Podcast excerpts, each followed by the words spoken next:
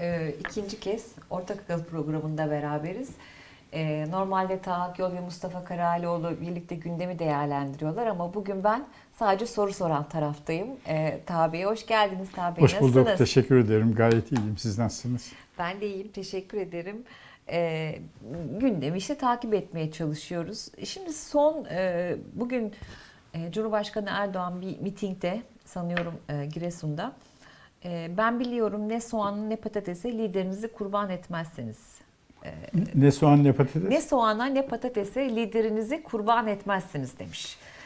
E, bu hani hep böyle şey oldu ya soğan mı, tog mu, sihalar mı e, bir lider e, soğana patatese kurban olur mu? Şimdi burada e, Sayın Erdoğan bu cümlesinde e, bana göre soğandan ve patatesten e, daha önemli olarak ele alınarak tahlil edilmesi gereken kavram lideriniz kavramı. E, tabii ki Erdoğan partisinin lideri, güçlü, karizmatik, e, etkili bir lider. Ama liderinizi feda edip etmemek e, kavramı siyaseti ne kadar kendi merkezli, ne kadar ben merkezli olarak e, düşündüğünü gösteriyor. İşte benim savcım, benim benim savcım kavramını bile kullandı.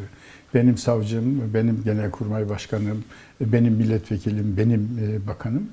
E, Burada e, Erdoğan tamamen şahsında büyük misyonlar olduğunu düşünerek şahıs merkezli bir politika gidiyor.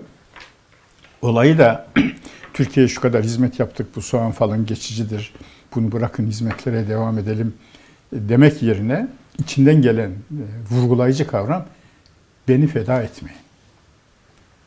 Reisi yedirmeyiz. İşte ordu, işte komutan e, gibi sloganları da hatırladığımızda e, AK Parti'nin içerisinde artık Erdoğan'dan e, farklı bir ses çıkmasının, hatta Erdoğan öyle yapmayalım, şöyle yapalım diyecek hiç kimsenin kalmamış, bırakılmış olmasının da gösterdiği gibi bu tamamen bir karizmatik lider hareketi. Cumhurbaşkanlığı hükümet sistemi de buna göre kuruldu zaten. Hı hı. Cumhurbaşkanlığı hükümet sisteminde bildiğimiz demokrasilerin hiçbirisinde olmayan yetkiler üstelik denetimsiz olarak Sayın Erdoğan'a verildi. Şükrü Karatepe'nin, profesör, anayasa profesörü Şükrü Karatepe'nin referandum öncesinde Habertürk'te Fatih Altaylı ile yaptığı programda söylediği bir söz var. Diyor ki Kenan Evren istedi öyle bir 2000 pardon 80 88 anayasası yapıldı. 82 2082 anayasası yapıldı. Şimdi 1982 anayasası pardon 1982 anayasası yapıldı. O zaman güçlü lider güç Kenan Evren'in elindeydi. Şimdi de Erdoğan böyle istedi, böyle anayasa yaptık. Hı hı. Bu tek kişiye odaklandığınız zaman, Gülay Hanım en önemlisi tek kişiye odaklandığınız zaman başka faktörleri yeterince göremiyorsunuz. Bütün yetkileri tek kişiye verdiğiniz zaman istişarenin, kurumların, kuralların sağlayacağı objektifliği, derinliği, öngörüyü kazanamıyorsunuz. O kişinin öfkesi devlet politikası haline gelebiliyor. Mesela Sayın Erdoğan bir öfkenin nasıl devlet politikası haline geldiğine dair örnek olarak şimdi söylüyorum. Sayın Erdoğan yine kendisinin merkezde olduğu bir konjonktürde yani Cumhurbaşkanlığı hükümet sisteminin oylanması referandumu sürecinde Almanya ve Hollanda dedi ki kardeşim buradaki Türkler, Türk vatandaşları oy kullanacaklar ama ben burada propaganda yaptırmam. Erdoğan'ın tepkisi ne oldu? Bunlar Haçlı İttifak. Evet. Kıbrıs meselesinden dolayı bunlar Haçlı İttifakı demedi. Ee, bu Ermeni iddiaları, Biden'ın e, soykırım kavramını kullanması, o konularda bunlar Haçlı İttifakı demedi. Kendisi merkezli olan konularda yüksek e, reaksiyon gösteriyor. Politikada da nihayet liderinizi e, soğana, patatese feda etmeyin. Nedir bu? Halkın geçimi. Bugün açıklandı. Türkiye'de gelir dağılımı daha da bozulmuş. Halbuki alt orta sınıflardan gelen bir hareket, daha çok yoksul kesimlerin desteklediği bir hareket. Dolayısıyla işte biraz siyasi tarih okumuş bir gazeteci olarak büyük üzüntüyle karşılıyorum. Türkiye'de Siz- siyasetin bu kadar kişisel merkezli hale gelmesini, kurumların, kuralların gölgede kalmasını e, hukukçu olarak da üzüntüyle karşılıyorum. Siz tarihe hep e, bir laboratuvar gibi bakılması gerekir Ay çok dersiniz. sevindim. bu söze çok sevindim. Çok teşekkür ederim. Ee, belki o gözle baktığımızda e, geçmiş seçimleri de değerlendirdiğimizde siz tecrübenizle e, ve hani sokağın dilini ve siyaseti iyi okuyan biri olarak e, ne, ne görüyorsunuz? Şunu şurasında 10 gün kaldı seçimlere. E, Millet İttifakı daha mı şanslı? Anketler falan tabii ki bir takım Millet şeyler İttifakı söylüyor daha şanslı e, gözüküyor E, ama e, bunu bir kehanet gibi, istihare gibi almamak lazım. Şu anda meydanların diline baktığımızda bir de hangi tarafta kazanıyoruz duygusu var, hangi tarafta kay- kaybedebiliriz tedirginliği, endişesi var. Bunlar tahlil araçları. O gözle baktığınızda Millet İttifakı kazanıyor gibi görünüyor. Fakat iktidarı hiçbir şekilde küçümsememek lazım.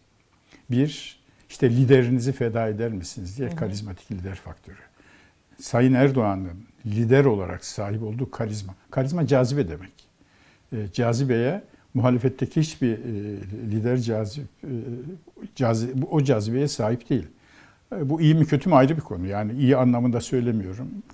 İyiye götürürsen iyidir, kötüye götürürsen kötüdür. Ama elinde sadece devlet imkanları değil. 20 yıldır tırnak içinde bizden atamalarla sayısı 2 milyondan 5 milyona çıktığı söylenen devletten maaş alan insan sayısı. Kamu İhale Kanunu 2001 14 Nisan e, kararlarıyla Kemal Derviş döneminde Avrupa Birliği standartlarına göre hazırlanmıştı. Ben ülkenin başbakanıyım, cumhurbaşkanıyım, istediğime ihale veremiyordum. Şeffaf ölçü, işte kıdem, şu bu falan gerekiyordu. Bu e, Durmuş Yılmaz'ın, eski Merkez Bankası Başkanı Durmuş Yılmaz'ın ifadesiyle 190 defa değiştirildi. 190 defa kanun çıkarılarak değil, bir defasında virgül değiştirerek, bir kelimesi çıkarılarak, ikinci kelime konularak falan. O ihalelerle e, oluşturulan bir yeni iktisadi sınıf. 2014 e, yılında Profesör Şevket Pamuk, Türkiye'nin şu anda en büyük iktisat tarihçisidir. E, İngiltere, Amerika, Almanya üniversitelerinde ders veren bir hocadır. AK Parti'nin ekonomide üretkenliği bırakıp kendi taraftarlarından bir iktisadi sınıf yaratma politikasına başladığını, bunun sürdürülemez olduğunu söyledi. 2014 yılında Wall Street Journal gazetesinde çıkan mülakat. Geldiğimiz nokta meydanda. Hem öyle bir sınıf teşekkül etti e, hem de sürdürülemez olduğu görüldü. Şu anda dünyanın en değersiz paralarından birisi Türk lirası. Gelir dağılımı bozuldu. Halkın satın alma gücü düştü. İktisaden kötü durumdayız. Ee, Gülay Hanım, Düğün Umumiye'yi hepimiz biliyoruz. Osmanlı borçları ödenemediği için Osmanlı'nın vergi, vergi gelirlerine Düğün Umumiye denilen yabancı idare el koymuştu. Vergileri o topluyordu. Osmanlı'dan daha iyi topladı. O tasnif ediyordu, daha rasyonel tasnif etti. Her neyse, Düğün Umumiye döneminde Osmanlı'nın dış borçlara, aldığı dış borçlara ödediği faiz %4 ile 5 arasındaydı. Şimdi yurt dışında Türkiye borçlandığı zaman dolar üzerinden ödediği faiz yüzde dokuz, yüzde on, yüzde on bir. Ondan sonra da işte biz faize karşıyız, emperyalistler, mandacılar falan söylemi. Bu sebeple yani aynı zamanda bir iktisadi sektör ve bir de dini sadakat e, duygusu söz konusu olduğu için bunca iktisadi çöküntüye rağmen e, hala neredeyse başa baş bir seçim mücadelesi Evet. gözlemliyoruz. Bu, e, bence oraya birazdan döneriz ama tam ekonomiden bahsetmişken e, Merkez Bankası'nın rezervi geçen hafta 5.4 milyar dolar azaldı. E, şimdi bu ne biliyorum siz ekonomist değilim diyeceksiniz ama iktisatçı değilim diyeceksiniz ama Merkez Bankası özelinde sizin bu kitabınızı ben e, 128 milyar doları buradan anladım ve o kadar anlaşılır bir şekilde yazılmıştı ki e, ben hikayeyi oradan anladım. Şimdi e, bütün bunlar ne anlama geliyor? Yani Merkez Bankası'nın e, geldiği bu durum e, sadece siyaseten yanlış tercihlerle açıklanabilir mi? Yoksa dış mihraklar var mı? ben e, bütün hayatım boyunca bu dış güçler sözüne itiraz ettim. Çünkü dış güçler söylemi problemlerimizi dışarının yarattığı bir e, saldırı gibi gösteriyor. Halbuki bu problem bizim problemimizdir diye baktığımızda çözüm düşünürsünüz. Bugün Türkiye'de enflasyon dış güçlerin saldırısıysa böyle işte emperyalizm şu bu falan mitingler yapacak başka bir şey yok. Ama bu yanlış politikaların sonucuysa ki öyle o vakit o politikaları düzeltmenin e, yollarını ararız. O yüzden dış güçler Türkiye'nin kendi problemlerini rasyonel e, zihniyetle ve bilimsel verilerle düşünmesini, çözüm geliştirmesini engelliyor. Bu tamamen saçma. Dolayısıyla e, Merkez Bankası'nın bugün eksi rezerv, eksi 40 milyar dolar son bir haftada son, evet. 5 milyar dolar e, eksi rezerv. Net bu, rezervler 10 milyar doların altında. Evet. Şu anda. E, bu, bu niye böyle oldu? Çok açık. E, özellikle Mehmet Şimşek e, ekonominin başından uzaklaştırılıp da yerine Sayın Erdoğan'la aynı mindset, aynı kafa e, yapısına, düşünce tarzına sahip olan e, Berat Albayrak e, getirildikten sonra iç kaynakları tüketerek büyüme böylece dışarıya meydan okumadı şeklinde bir politika. E, bu işte sömürgeciler, dış güçler, emperyalistler sözü Berat Albayrak'ta da vardı. Bugün hala seçim meydanlarında Sayın Erdoğan e, ve başkaları da bunu söylüyorlar. Doları tutmak için ihracatı artırmak, iç tüketimi sınırlamak, fiyat istikrarını sağlamak gibi hem zor hem doğru işleri yapmak yerine hem kolay hem de çok yanlış bir yola gittiler. 128 milyar doları piyasaya sürdüler. Dolar sabit olsun diye. Niye? Bir şey çok fazla isteniyorsa fiyatı yükselir. Ama piyasaya çok fazla sürülürse fiyatı artmaz hatta e, düşebilir. Şimdi de o 128 milyar dolar yetmedi. Sayın Babacan'ın verdiği rakamlara göre bir 100 milyar dolar daha harcandı. Şimdi Sayın Erdoğan deyimiyle dostlarımızın desteğiyle ekonomik mantıkla e, ekonominin üretimiyle, ekonominin ihracatıyla, e, dış açığın dış fazlaya dönmesiyle değil, dostlarımızın yardımıyla swap alıyoruz. Swap ne? Ben size elimdeki doları veriyorum. Diyorum ki ben bunu istediğim zaman alırım bu sende dursun. Suudi Arabistan bize 5 milyar dolar tevdiat. Tevdiat ne demek? Bu sende dursun sonra alırım. Bankaya yatırdığınız para gibi. Neyin karşılığında istedi bunu? ister istemez akla Cemal Kaşıkçı dosyasının Suudi Arabistan'a gönderilmesi gerekiyor. Sadece o mu? Başka neler var bilmiyoruz. E, Putin e, bu iktisatçılar tarafından çok yaygın olarak ifade edildiği halde hükümet e, kanadından bunun hilafına, bunun aksine bir açıklama yapmadı. 20 milyar dolar civarında Türkiye'nin satın aldığı doğal gazın parasını erteliyor, istemiyor. Ama yarın isteyecek. Türkiye'nin 160 milyar dolar kısa vadeli borcu var. Cari açık. Dolar. Evet, cari açık 110 milyar 12 aylık cari açık 110 milyar doları buldu ve her ay bu artarak devam ediyor. Peki ne yapıyoruz? Merkez Bankası'na para basınca işte memura yüzde 50 zam, ötekine e, şu, EYT, herkesin cebine şu kadar e, para koymak falan. E, popülist ekonomi. Türkiye bunu 1990'larda koalisyonlarda yaşamıştı. Koalisyonlar böyledir, kötüdür falan e, denildi. Halbuki iktisat politikalarının yanlışlığından olmuştu. Şimdi e, bütün yetkileri tek kişiye verince o kişinin psikolojisi, anlayışı, beklentileri, e, düşünceleri, e, kapasitesi bütün ekonomiye hükmediyor. Geldiğimiz nokta yine 1994 krizine benzer bir kriz. Hatta bana göre daha ağır. 2002-2001 krizi gibi bir durumdayız. Bir yandan da e, yani e, Sayın Erdoğan'ın bir kitlesi var, kemik bir kitlesi var ve o e, tezat şeyler söylediğinde bile haklı. Cumhurbaşkanı reis haklı diyorlar. Tamamen iki gün sonra aynı şeyin bambaşka bir şekilde ifade ettiğinde ona da e, haklı diyorlar. Bu, bu nasıl psikoloji? Yani sonuçta e, aslında bu seçmenin de belki zihin yapısını, zihin kıvrımlarında nelerin olduğunu anlamak gerekiyor. Çünkü e, bu sadece karizmatik bir lider diyerek çözülebilecek bir şey mi? Bir, anlamıyorum ben gerçekten. Karizmatik lider e, gelişmiş demokrasilerde de oluyor. Margaret Thatcher karizmatik liderdi ama Margaret Thatcher'e muhalefet düşürmedi. Seçimleri de düşürmedi, kendi partisi düşürdü. Kendi partisindeki oylamayı kaybettiği için düşürdü. Dediğiniz doğru, karizmatik lider çok geniş bir kavram. Bu kavramın içine Erdoğan da girer fakat sadece karizma değil bu. İşte burada sadakat kültürü karşımıza çıkıyor. Ne yaparsa yapsın haklıdır. Bizim bir toplumumuzun bildiği, bir bildiği, de Orta Doğu kültürü. E, nasıl olsa bir bildiği vardır.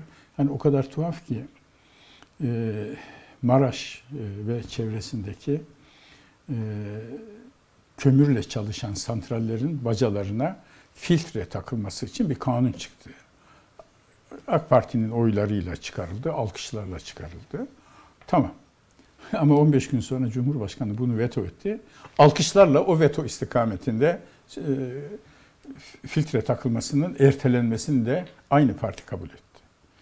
Şimdi Sayın Erdoğan'ın e, enteresan sözleri var. Mesela e, iktidarının başında IMF ile anlaşmalı program gayet iyi işlerken, hı hı. Avrupa Birliği Türkiye'ye destek verirken, işleri iyi giderken Sayın Erdoğan e, Saadet Partisi'nden gelen eleştirilere karşı faiz hayatın gerçeği, biz de bir zamanlar faiz karşıydık ama faiz hayatın gerçeği diye konuşma yapıyordu. İşler ne zaman bozuldu? Yeniden dini sadakate hitap etmek e, gerekince e, nas var, nas sana bana ne söz düşer dendi. Hem öyle diyoruz, e, bunu alkışlıyoruz hem de Türkiye'nin yurt dışından Yunanistan yüzde bir faizle borçlanırken, dolar faiziyle borçlanırken biz yüzde sekiz, yüzde dokuz, yüzde on, yüzde on bir dolar faizle e, borçlanmayı da alkışlıyoruz. İşte bu yüzden e, demokrasinin denetim ve denge mekanizması işlemiyor. Bu kadar politikalar oluyor. Adalet ve Kalkınma Partisi içerisinde bir tane soru önergesi verilip de müzakere edilmiyor. Biz Demokrat Parti'ye, e, rahmetli Menderes'in partisi baktığımızda, e, Demirel'in partisi Doğru Yol, rahmetli Özal'ın hepsi de rahmetli e, partisi Anavatan'a baktığımızda orada milletvekillerinin başbakana soru önergesi verdiklerini görüyoruz. Adnan Menderes hükümetini 1955 yılında Demokrat Parti grubu düşürmüştü. Şimdi soru sorulmuyor. Yani en azından sormak e, gerekmez mi? Yani faiz politikamız böyle, niye böyle diye.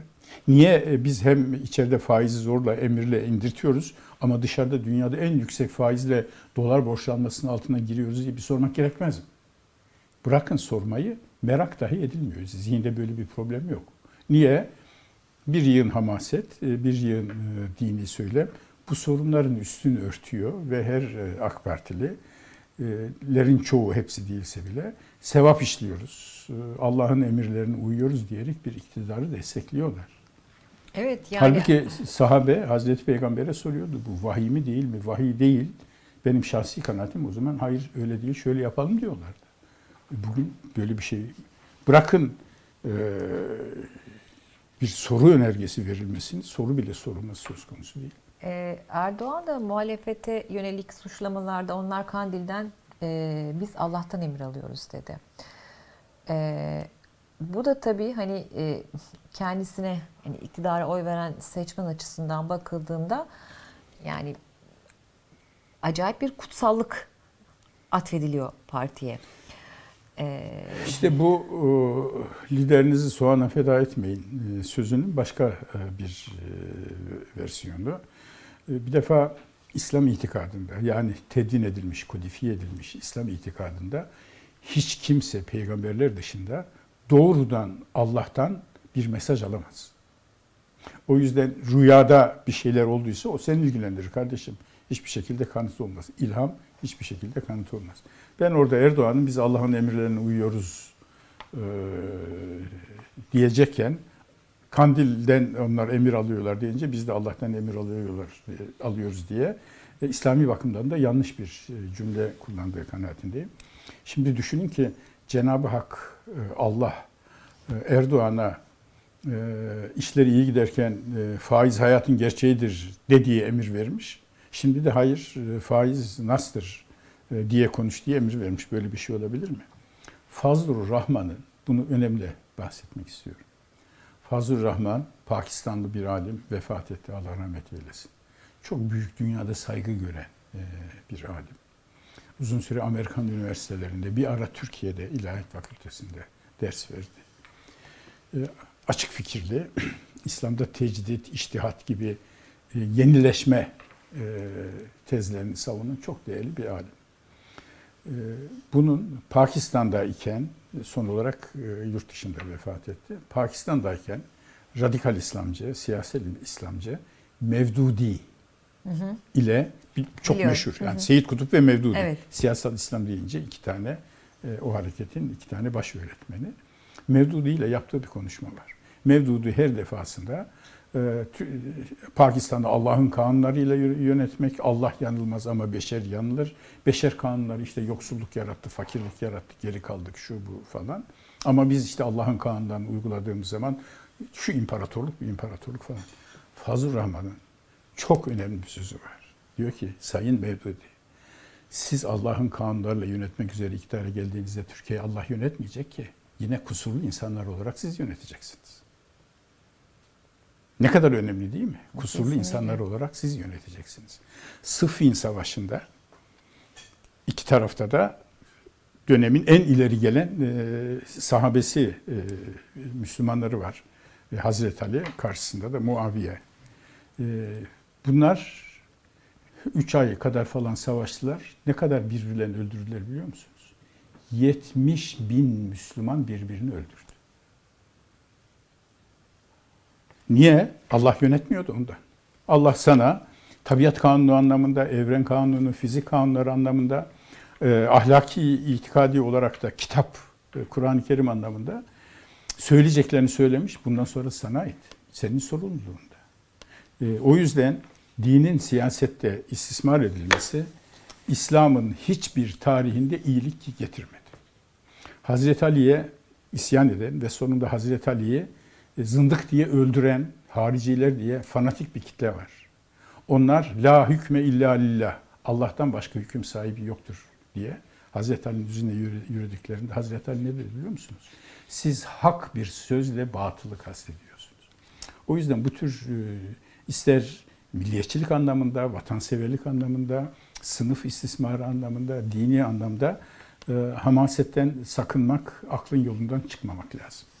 E, ama görünen o ki işte iktidar e, toplumun sizin de bahsettiğiniz gibi DNA'sını çok iyi e, almış, analiz etmiş ve kullanmayı başarıyor. Başarıyor. Ee, Unutmayalım 80 yıl önce Almanya'nın başında Scholz yoktu, Merkel yoktu, Hitler vardı.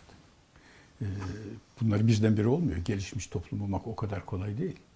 Ne oldu? İşte biz dünya bizi kıskanıyordu falan 12 bin dolardan 9 bin dolara düştük. Gelişmiş toplum olmak için açık zihin, rasyonel düşünce, hukukun üstünlüğü, her türlü fikrin şiddet içermemek şartıyla serbestçe ifade edilmesi ama o fikirlerde de bilimsel bir seviye olması gerekiyor.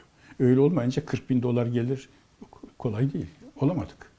Evet, e, parti içerisinde de yani e, AK Parti'nin kurmayları da belli ki e, bir şeyin yanlış gittiğini görseler, sesseler bile hayır diyemiyorlar. Ki hani ben gene bir kitabınıza referans vermek istiyorum Teşekkür müsaadenizle. Ederim. Onlar da kahramandı. E, güce boyun eğmediler kitabınız. Şimdi bu kitapta aslında Osmanlı döneminden başlıyorsunuz. Cumhuriyet'in ilk yıllarına kadar e, Abdülhamit'e, e, Atatürk'e karşı çıkan çeşitli nedenlerle isimlerden bahsediyorsunuz. O zaman daha mı cesur cesurdu insanlar? E, şimdi ne oldu? Kimse çıkıp hayır diyemiyor. Yani bu kitap çünkü gerçekten çok ilginç e, şeylerle dolu, e, gerçeklerle dolu. E, şiddetle de tavsiye ederim okumamış olanlara. E, ne yani oldu? bugünkü toplum... Fatih Sultan Mehmet'e bile karşı çıkıyor mimar. E, tabii tabii mimar Fatih Sultan Mehmet'e karşı çıkıyor. E, tamam, Mahkemeye kolu gidiyor, gidiyorlar. Kolu Mahkemede gidiyor ama... Fatih'e diyor ki sen haksızsın. Rum mimar haklı. Ve, Mahkemede öyle diyor. Ve Rum mimar e, tamam dediği için aslında e, Fatih Sultan Mehmet'in kolu gitmiyor diyelim. Evet. Yani hani bu bu denli bir aslında bir tür demokrasi var. Ee, Demokrasi insan, değil. Demokra Demokrasi adalet anlayışı. Adalet diye. anlayışı Demokrasi var. deyince o işte sandık oy falan e, olması adalet lazım. Anlayışı adalet var. anlayışı ee, var. Artı e, insanlar daha mı cesurdu? Şimdi ne oldu?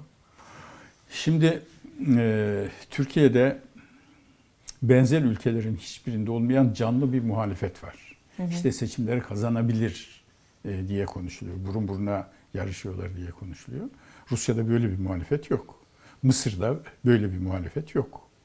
E, Tunus'ta e, Cumhurbaşkanı bir tür e, olağanüstü hal ilanıyla diktatörlüğünü ilan etti. E, Raşid Gannuşi oradaki İslamcıların alim, bilge, demokrat lideri hapse koydu. Yaprak kıpırdamıyor. Ama bugün Türkiye'de çok canlı bir muhalefet var. Ağız açamama hali Adalet ve Kalkınma Partisi'nin içinde. E bir gün e, Türkiye'de bir e, partiler içerisinde de insanların özgürce konuştuğu, onurlarına sahip çıktığı bir aşamaya gelinecek. Evet, şimdi e, şunu da sormak istiyorum size. E, Millet İttifakı'nın Cumhurbaşkanı adayı Kılıçdaroğlu dedi ki seçime 10 gün kala işte bu dark web, e, deepfake gibi hani bir takım e, çevrim içi bir takım senaryolar olabilir, sahte videolar ortaya çıkabilir ki bunları göreceğiz. Aslında bu çok tehlikeli bir durum çünkü şu anda 2000, bu bütün dünyada tehlike. 2024'teki Amerika seçimleri için şu anda hazırlıklar evet, başlamış. Evet, bütün dünyada tehlike. Ee, ve işte bir araştırma yapılıyor 2016 Yapay seçimden. zekadan çıkıyor bunlar. Yapay zekadan çıkıyor. Yani işte sizin görüntünüz, e, sesinizin tamamen senkronize olarak e, hiç söylemediğiniz ve asla söylemeyeceğiniz. Bana mesela yaşasın komünizm dedirtiyorlar. Kesinlikle. Yani ve e, bunu eşiniz dahi İnanıyor. İnanabilir çünkü hani o kadar senkronize bir şekilde yapılıyor ki. Bu seçimler mesela Amerika'daki ilk seçimlerde Clinton'a karşı Trump'ın olduğu seçimde de e, sonrasında bir araştırma yapılmış. İnsanların yüzde 65'i bu tip videolara e, inanmış İnanıyor. ve Clinton'a karşı ya bir dakika bu kadın yanlış yapıyor gibi bir e, algıları oluşmuş. E, o günden bugüne teknoloji de ilerledi. Bu işlerin içine bazen Ruslar da giriyorlar. Bu işlerin içine Ruslar zaten e, bu e, evet.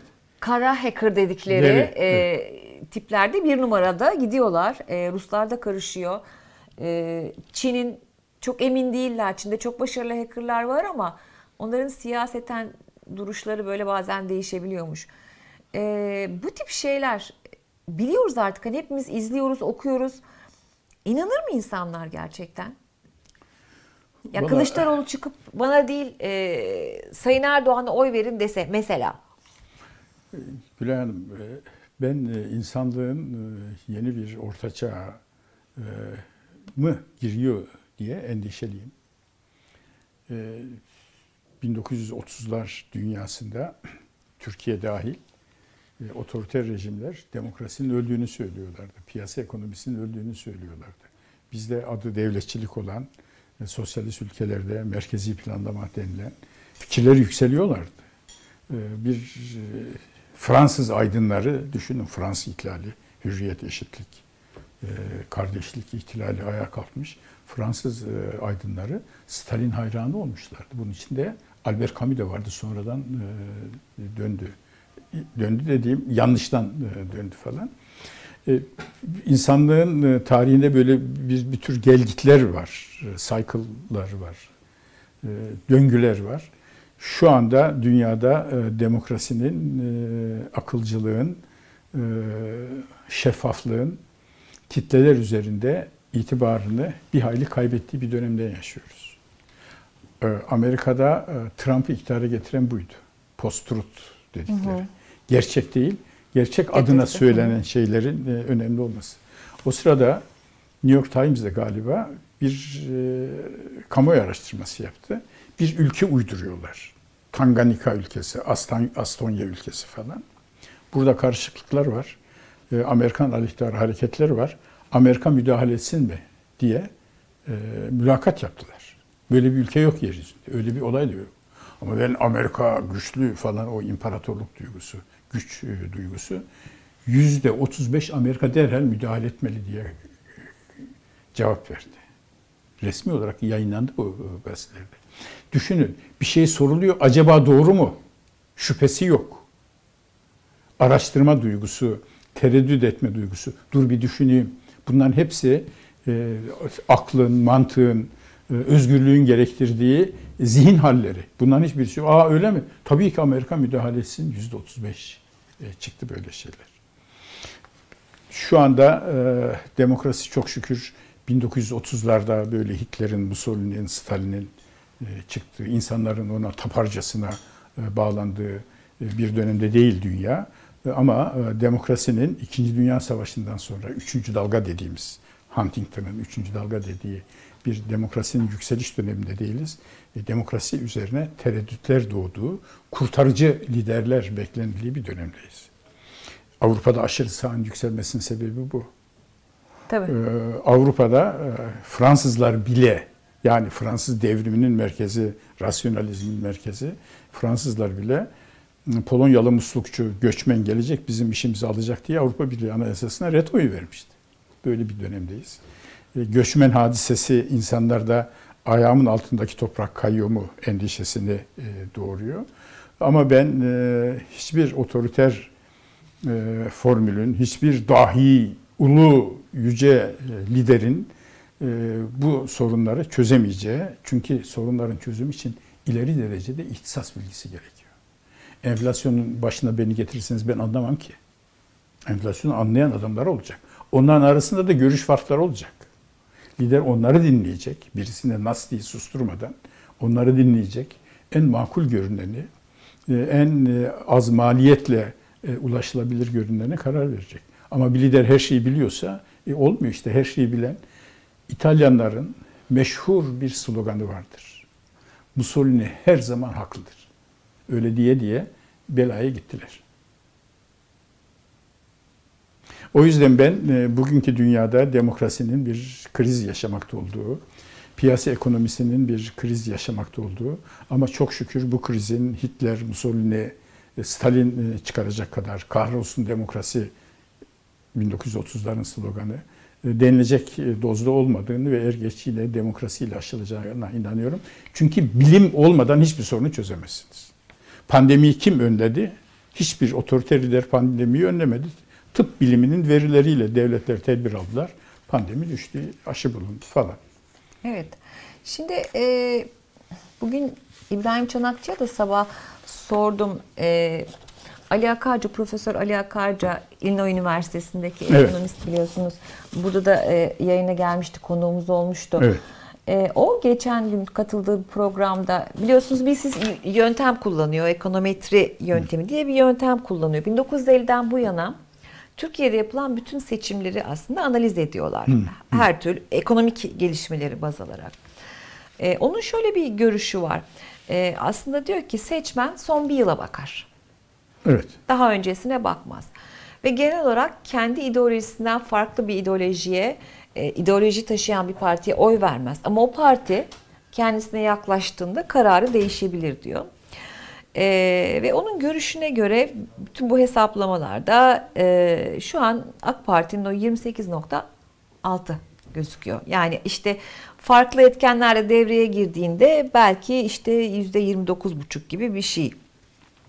E, siz bunu e, gerçekçi görüyor musunuz?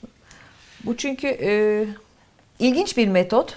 Diğer anket yöntemlerinden farklı bir e, metot. İktidar yıpranmasını baz alıyor. E, son ekonomik verileri, performan insanların ekonomik performansa e, verdiği yanıtı e, göz önüne alıyor ve işte %28.6 gibi bir rakam ortaya çıkıyor. E, böyle bir veri var elimizde. Biraz değerlendirmenizi rica edebilir miyim? Şimdi bu tür e, çalışmalar e, ve yapılmakta olan e, anketler bir trendi gösterir. Fakat Karl Popper'ın dediği gibi işin içinde insan varsa yarın bir şeyler değişebilir. Yani atıyorum yarın şapkadan bir tavşan Erdoğan çıkabilir. çıkar, bir şapkadan tavşan çıkar. Veya bir sürçülisan eder kendisi. O da aleyhine olabilir. Yani bunları ciddiye almak lazım ama bunları bir kahinin e, sihirli cama bakarak e, gördüğü sonuçlar gibi görmemek lazım. Evet, şimdi bir de e, şunu da konuşmak isterim sizinle. E, iktidarın son dönemde söylediği pek çok şey var. İçişleri Bakanı 14 Mayıs'a darbe dedi ve hani tekrar sıralamayayım e, pek çok şey söylendi. E, AK Parti seçmeni dahi yani bunu satın alıyor mu bunları? Yani işte biri işgalci diyorlar, öbürü e, kendinizi hazırlayın diyor falan filan. Bayağı ciddi e, sert bir takım söylemler var. E, seçmen bunu AKP seçmeni de satın alıyor mu? İnanıyor mu? AK Parti seçmeni homojen değil. Yani AK Parti seçmeni şudur diye e, tanımlayabileceğimiz tek insan e, tipi yok. Bir AK Parti seçmenin içerisinde iyi eğitimli olan, piyasa ekonomisine entegre olan, e, büyük şehirlerde yaşayan kesimler. Bunlar AK Parti zaten terk etmeye başladılar. E, son e, belediye seçimlerini gördük. E, ve şimdi yine e, göreceğiz. E, AK Parti'nin e, metropollerdeki oy kaybı İç Anadolu'daki oy kaybından daha fazla olacak. Çevre e, şartları. İkincisi AK Parti'nin içerisinde işin çok kötü olduğunu gören ama ya keşke daha iyi bir parti olsa da ona versem diyen kendine göre de o daha iyi bir partiyi göremediği için kerhen AK Parti'ye oy verecek olanlar var. Bunların bir kısmının e, tercihleri, kerhen vereceklerin tercihleri seçime kadar değişebilir. Muhalefet önümüzdeki e, iki haftaya yakın bir zaman kaldı. İki hafta iyi değerlendirirse falan. Yani AK Parti homojen e, bir parti değil. İyi ki homojen bir parti değil. AK Parti bir nazi partisi değil. Bir nihayet kitlelere dayanan bir kitle partisi. O kitle de homojen değil. Ama bir de ölümüne reisçi olan artık büyülenmiş gibi ölümüne bağlı ee, bunda kendileri böyle bir, bir ara kefenler giyilirdi biliyorsunuz. Evet. Öldü ölelim sloganları şunlar. Bir de öyle bir e, e, kitle var. Ee, şimdi seçimlerin ikinci tura kalıp kalmamasında e, özellikle Memleket Partisi'nin ve Muharrem İnce'nin oyları e, ne olacağı önemli olarak konuşuluyor. E, dün de Muharrem İnce Sözcü TV'deydi. İzleme şansınız olduğunu bilmiyorum Hayır. ama ee, şöyle bir şey söyledi. Yani Deva Partisi ve Gelecek Partisi Millet İttifakı'ndan çıkarsa ben girerim ve e, bütün desteğimi veririm diye bir şey söyledi. Evet.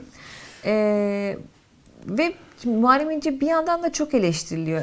İlk defa oy verecek e, gençlerin bir şeyi var, e, ilgisi var diyelim. Azalıyor olabilir ama bir ilgisi var. E, ama bir yandan da inanılmaz derecede eleştiriliyor ve bir sürü kanaat önderi de ya yapmayın hani seçimlerde e, siz de Kılıçdaroğlu'nu destekleyin gibi şeyler söylüyorlar.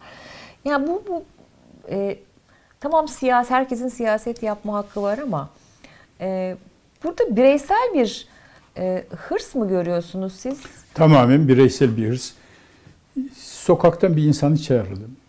Siyaseti izleyen gazetecileri e, çağıralım Hatta Sayın e, İnce'nin kendisine soralım. Enflasyon indirme programı nedir? Sizin böyle bir bilginiz var mı? İşte mülakat yapıyorsunuz, gazetecisiniz, yılların gazetecisi. E, bütün olayları izliyorsunuz. Muharrem İnce önümüze Millet İttifakı'nın koyduğu gibi 2000 maddeden oluşan mutabakat metni. O metni de liderlerin kendileri hazırlamadılar. Liderlerin birlikte çalıştığı, dünyanın saygın e, saygı duyduğu, buradan yurt dışına gittiklerinde büyük iktisatçı geldi denilecek olan saygın iktisatçılar hazırladılar. Muharrem İnce'nin neyi var? Muharrem İnce dış politika konusunda ne diyor? Böyle emperyalizm, vatanseverlik falan gibi e, herkesin ağzını alabileceği. Dolayısıyla bir özellik e, taşımayan, içermeyen genel sözlerin dışında Muharrem İnce ne diyor? Gelir dağılımını e, nasıl e, düzeltecek? Üretimi nasıl e, artıracak? Muharrem İnce'nin elinde hiçbir önümüze koyduğu program olmadığı gibi yanında da aa bu iyi iktisatçı diyeceğimiz ekonomi çok ağırlıklı olduğu için iktisatçılar üzerinde duruyorum. Öyle bir isim yok. Türkiye 2002 seçimlerine giderken siyaset bilimi açısından son derece değerli bir laboratuvar, seçim laboratuvarı yaşadı. Madde 1, Doğru Yol Partisi, Demirel'in partisi, Tansu Çiller lider. %9.5 oyla barajın altında kaldı. Bir de Genç Parti diye bir parti çıktı ortaya. Genç Parti artık bu, bu, bu liderlerden bıktık diyen insanlara hitap ediyor. Aa yeni birisi çıktı bak ne güzel de konuşuyor gençmiş. E, işte pasta börek falan da dağıtıyor. Coca-Cola da dağıtıyor. Kalabalıkları topluyor. Ağzı da laf yapıyor falan diye. İşte Genç Parti örneğidir. E, e, Sayın İnce'nin e, durumu. O da yüzde yedi oy aldı. Netice Adalet ve Kalkınma Partisi yüzde otuz dört oyla parlamentoda çoğunluğu alarak iktidara geldi. Parlamentonun yüzde kırkı pardon oyların yüzde kırkı o yüzde on barajı sebebiyle bu şekildeki oyların dağılması sebebiyle parlamento dışında kaldı. Anavatan Partisi rahmetli Mesut Yılmaz'ın Anavatan Partisi yanlış hatırlamıyorsam yüzde yedi civarında oy almıştı. Düşünün bir tarafta yüzde dokuz buçuk, bir tarafta yüzde yedi, öbür tarafta bir defalığına yüzde yedi gibi oy alan Genç Parti öteki seçimlerde adı yok. Öyle bir parti yok öteki seçimlerde. Niye? Genç Parti bir program partisi değildi. Herhangi bir iktisadi çözüm, bir program ortaya koymuyordu. Gelir dağılımı, yollar, köprüler, okullar, sağlık bu konularda söylediği hiçbir şey yoktu. Bunlar kötü, bunlar kötü, bunlar kötü. Kitleleri de zaten bu liderlerden bıkmış. Aa bu olsun. Genç Parti ile Muharrem İnce'nin e, akıbetleri aynıdır. Göreceğiz bunu. Ama evet dediğiniz doğru seçimleri ikinci tura bıraktırabilir. E, eğer Kılıçdaroğlu'na karşı çok büyük kin duyuyor, e, Kılıçdaroğlu'nun öfkesiyle tabanını iktidara mı yöneltir? Kılıçdaroğlu'na öfke duyduğu için o öfkeyle tabanını iktidara mı yöneltir? Yoksa iktidar aleyhine çok konuşmaları var. Ondan kendisini bitir e, taahhüt altında görerek e, tabanını bu tarafa mı yöneltir onları bilmiyoruz. Zaten seçimlerin en büyük bilinmeyeni de bu. Öyle değil mi? Evet. Türkiye'de çok parti var. Çok parti var tabii. Bunu Yani sorduğunuz biraz- çok biraz e, iyi fazla oldu. mı? Biraz biraz değil, epeyce fazla. Bir demokrasinin sağlıklı işleyebilmesi için o ülkede özgürlüklerin olması yetmez. Bir demokrasinin sağlıklı işleyebilmesi için o ülkede kurumların çok kaliteli insanlardan oluşması da yetmez. Bir ülkede demokrasinin işleyebilmesi için sandıktan hükümet çıkması lazım. 1945-46'dan 1958'e kadar Fransa böyle parçalanmış partilerle dolu bütçe çıkaramıyorlardı. Çünkü bütçe çıkarmak için benim 5 kişilik partim var. Benim oyumu istiyorsan benim vilayetime şunu yap diyordu. Buna siyaset biliminde immobilizm, kıpırdayamazlık, hareket edemezlik. Sonunda ne oldu? Cezayir meselesi yüzünden Fransa iç savaşın içine geldi. General Sala'nın silahlı hareketleri falan. De Gaulle'ü çağırdılar. De Gaulle işte yarı başkanlık sistemi falan. Bugün Fransa Avrupa'nın en sağlıklı demokrasilerinden e, biridir.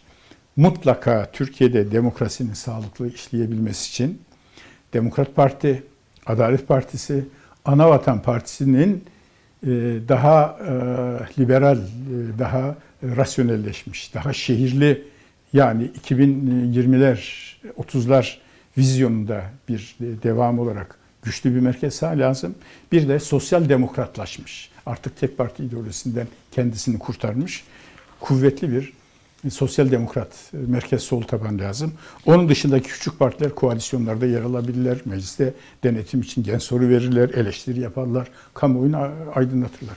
Bakın Almanya'da işte Merkel'in, muhafazakarların patron olduğu koalisyon seçimleri kaybetti. Şimdi sosyal demokratların patron olduğu bir koalisyon Yeşillerle birlikte koalisyon kurdular öyle değil mi? Evet. Türkiye'nin ona gelmesi lazım. Evet. Ee, şimdi Dünya Basın Özgürlüğü Endeksinde 180 ülke arasında Türkiye 165. sırada. Daha da düştü. Ee, evet 16 yıl daha 16 sıra daha gerilemiş. Ee, ya bu aslında gerçekten çok acı bir durum. Ee, ve baktığınızda yani o kadar ilginç ülkeler hani bizim bir zamanlar hani burun kıvırdığımız demeyeyim ama hani ekonomisiyle, sosyal yapısıyla eleştirdiğimiz pek çok ülke bile bizim e, üstümüzde yer alıyor. E, ve şimdi dezenformasyon yasası ki sansür yasası olarak konuşuldu bu ilk başta. Allah'tan şu ana kadar e, o kanunla alakalı bir sıkıntı yaşanmadı. Hani seçime giderken bir sürü şey olacağına dair Evet. bir sürü eleştiriler vardı. Bir şey yaşanmadı. E, Türkiye'de basın özgürlüğü hiç bu kadar kötü olmuş muydu tarihimizde?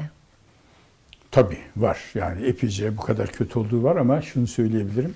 E, 1980 darbesini e, atlatan Türkiye o darbeye duyulan tepkiyle bir hayli demokratik açılımlar yaptı.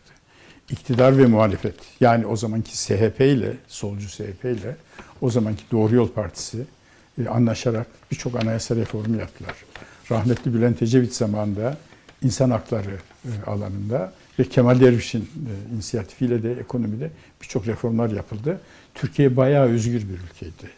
E, ama e, şimdi yani bugün e, ki Türkiye özgürlükler e, bakımından neredeyse soğuk harp dönemi yönlerine gitti. Şunu söylüyorlar. e, Eskiden Kürt diyemezdiniz, şimdi söylüyorsunuz, söylüyorsunuz. Doğru. Bu doğru. Yani bu bir, eskiden denilmezdi. Şimdi bu söylenebiliyor. Ama eskiden TRT bütün partilere seçimler döneminde adil yer verirdi. Şimdi yer vermiyor. Evet Kılıçdaroğlu Bu sadece- 2010'dan bu yana sadece bir kez Evet. Yo, Dün e, şeyde e, Rütük üyeleri açıklama yaptılar. Sayın Erdoğan'a 32 saat e, yer vermişler. E, Aynı e, ölçüm süresi içerisinde Kılıçdaroğlu'nun ki 32 dakika. Bu nereden geliyor biliyor musunuz? Cumhurbaşkanlığı hükümet sistemine giderken %52'nin evet dediği o metinde bir madde daha vardı. Anayasanın 111. maddesini değiştiriyor. Ee, anayasanın 111. maddesinde Adalet, İçişleri e, ve Ulaştırma Bakanları seçime giderken istifa edip tarafsızlar geliyordu. Onu kaldırdılar. Bugün işte Adalet ve İçişleri Bakanı seçimlerde en başrolle geziyorlar. Halbuki bu kadar hassas bunların seçimlerden önce istifa etmesi gereken özgür bir seçim için, temiz bir seçim için istifa etmesi gereken adamlar seçim devlet programlarında en imkanlarıyla Bir şey daha söyleyeceğim buna izin verirseniz. Tamam. Türkiye'de bir kanun hükmünde kararnameler dönemi yaşandı o hal döneminde ve anayasadaki hükme göre askerlerin yaptığı anayasadaki hükme göre kanun hükmünde kararnamelere o hal döneminde iptal davası açılamazdı. Bundan yararlanarak hükümet bir bugünkü iktidar bir kanun hükmünde kararname çıkardı ve o kararnameyle seçimler döneminde sadece TRT'nin değil, bütün televizyonların partiler arasında tabii ki büyüklüğünü dikkat alarak dengeli, adil bir yayın yapması maddesi vardı. Kanunun bu maddesi kanun hükmünde kararname, kanun hükmünde kararname ile kaldırıldı. Ve şimdi de işte TRT bile devlet e, fonlarıyla, e, devlet kaynağıyla Hani bu hayatında. çok Onun dışında şey artık oldu ama hani bizim partiyle- vergilerimize demek biraz şey gibi kaçıyor. Çok magazin oluyor ama Vallahi maalesef o Cumhurbaşkanlığı hükümet sisteminde e, bu dediğim 111. madde hiç tartışılmadı. Aydınların da dikkatini çekmedi. Kanun hükmünde kararnameyle siyasi partiler kanunu değiştirip seçimler döneminde televizyonların adil yayın yapmasını düzenleyen e, siyasi partiler kanununun ilgili maddesi kaldırıldığı zaman muhalefetin bile haberi olmadı bundan. Benim hatırladığım bütün seçimlerde hep liderler bir arada çıkarlardı ya televizyona. Hani bir tartışma olurdu zaman zaman işte ateş tartışmalar da olurdu ama e, Sayın Erdoğan bundan hep kaçındı. Buradaki, Hep değil. Hiç oldu mu? 2002 seçimlerinde ilk defa 2002 girerken seçim, evet. e, Deniz Baykal'la birlikte karşılıklı olarak çıktılar. E, o zaman e, Avrupa Birliği diyordu, e, Hasan Cemal abi e, diyordu. O vakit başka bir şeydi. Ama güç eline geçtikten sonra e, değil kendisinin çıkması, taraftarlarının bile parti sözcüsü, bakan vesaire onların bile e, televizyonlardaki tartışma programlarına çıkmasına izin vermedi. Evet şimdi e, gene şeyi okuyorum son dakikalara bir anda düşüyor da e, Devlet Bahçeli demiş ki Kılıçdaroğlu'na verilecek her oy Kandil'e gidecek. Yani bu böyle bir propaganda e, şeklinde e, devam edecek gibi gözüküyor seçime kadar. Sosyal medyada e, Sayın Bahçeli'nin e, bu ittifak yapmadan önce e, Erdoğan hakkında neler söylediği gözünüze çarpıyor mu? Evet tabii. Ya işte öyle. E, şey siyaset e, değişir diyoruz yani değil mi? Bizde. işte. Dünyanın her yerinde öyle değil. Bizde. Peki son olarak şunu sormak istiyorum. Herkese de soruyorum bunu e, her konuğa soruyorum. Sizin seçim güvenliği ile alakalı bir endişeniz var mı Bey? Şimdi bu iktidarın e, seçim güvenliği konusunda iyi niyetli olmadığını düşünüyorum. Gerekçesi anlattım. Anayasayı değiştirdiler. Kanun hükmünde kararnameyle siyasi partiler kanun değiştirdiler. 1950 yılının Şubat ayında e, Demokrat Parti ile Cumhuriyet Halk Partisi anlaşarak çıkardığı kanundan beri hiç tartışma konusu olmayan bir yüksek seçim kurulu vardı. Tartışmalı hale getirdiler ve oradaki yine 1950'den itibaren kıdemli hakim, en kıdemli hakim maddesini değiştirdiler. Bunlar e, iktidarın e, seçim güvenliği konusunda iyi niyetli olduğu e, üzerine bende ciddi endişe yaratıyor. Fakat güçleri yetmez. Niye? İyi ki 1950'den itibaren Türkiye'nin bir seçim tecrübesi var. E, oylar sandığa atılırken hepimiz varız orada. Açılıp da sayılırken yine hepimiz varız. Zabıtlar tutulurken yine hepimiz varız. İl seçim kuruluna gittiğinde tırnak içinde bizden hakim bunu değiştirmeye kalkarsa tutanaklar elimizde her partinin il merkezine, ilçe merkezine gitmiş. Nitekim İstanbul'da bir şey yapamadılar. Evet Canan Kaftancıoğlu bugün, e, Bugün anlattı, stüdyoda anlattı ve hani İstanbul'da bö- İstan Türkiye'de ama tabii ki özellikle İstanbul'da böyle bir şeyin e, asla olamayacağını e, bir şekilde Bu ancak kapalı toplumlarda insanların bir usulsüzlük yapılmaya kalkarsa itiraz etmekten korkacağı, bugün bana bir şey yapmazlar ama yarın bir şey mi olur falan yerleri işleyebilir. Ama Türkiye'de e, büyük ölçüde, Türkiye şehirleşmiştir. E, Büyük ölçüde e, suistimal yapamazlar. Peki. Çok teşekkür ediyorum Ben Taha teşekkür Bey. ediyorum, Ee, bugün sorularıma cevap verdiğiniz için. Sağ olun, var olun. Evet, e, ortak akıldan bugünlük bu kadar diyelim. Tekrar görüşmek dileğiyle. Şimdilik hoşçakalın.